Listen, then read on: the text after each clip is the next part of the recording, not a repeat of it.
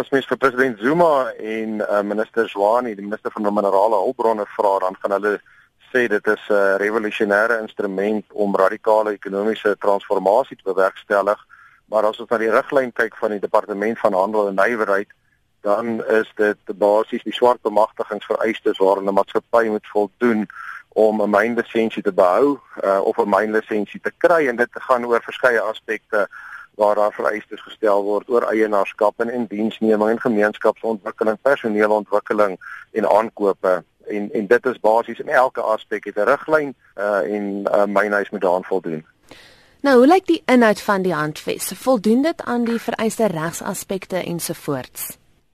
Nou eerstens voordat nog gepubliseer was, is daar 'n regsgebreke en dat daar was nie behoorlik gekonsulteer met die partye nie. En dit is hoekom solidariteit en die Kamer van Mynwese op daai aspek alleen hof toe sal gaan om om dit te toets. Maar tweedens is daar 'n klomp ander leemtes. Byvoorbeeld die eens bemagtig altyd bemagtig beginsel wat beteken 'n werkgewer moet uh, ten alle tye 30% bemagtig wees en as hy sy ehm um, vernoot verloor moet kan hy sy lisensie verloor. Daai word ook in die hof getoets en dan word die nasionale demografie gebruik as riglyn vir aanstellings en dit is basies 'n kwotas en die hof het reeds, die grondwetlike hof het reeds gesê kwotas uh, en die nasionale demografie kan nie gebruik word nie. So dis 'n tweede aspek wat getoets sal word en dan verder ook die ekonomiese impak is, is verskriklik groot en gegee word die feit dat ons in 'n resessie is en afgegradeer is tot rommelstatus uh voel ons ook dat die howe ook 'n uitspraak moet gee oor 'n bepaalde wetgewing wat tot werkloosheid gaan lei.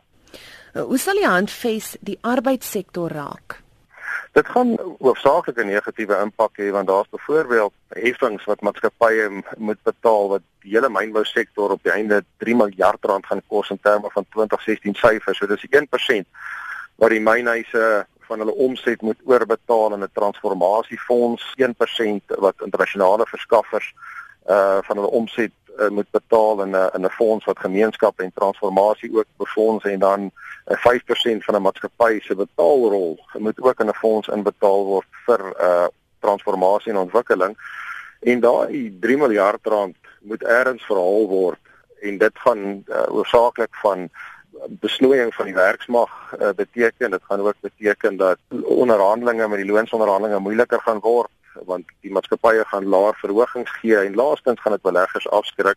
En soos beleggers uh, onttrek beteken dat daar's nie geld vir kapitaalontprojekte nie dit beteken daar gaan ook nie 'n groei in die werksmag wees nie en ook nie die groei in die ekonomie nie. En alles en alles het 'n afstroom 'n uh, impak op werkers wat eintlik bevoordeel moes geword het deur hierdie handves is daar enige positiewe aspekte van die mynbouhandves?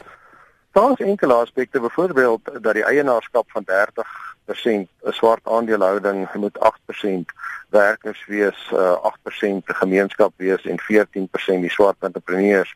En hoewel ons nie gemaklik is met die 8% uh, wat slegs swart werkers uh, moet wees nie, beteken dit die positiewe daar is dat dit gaan werkers ontmoedig om te staak want ewe skielik is hulle aandeelhouer en dit affekteer hulle direk.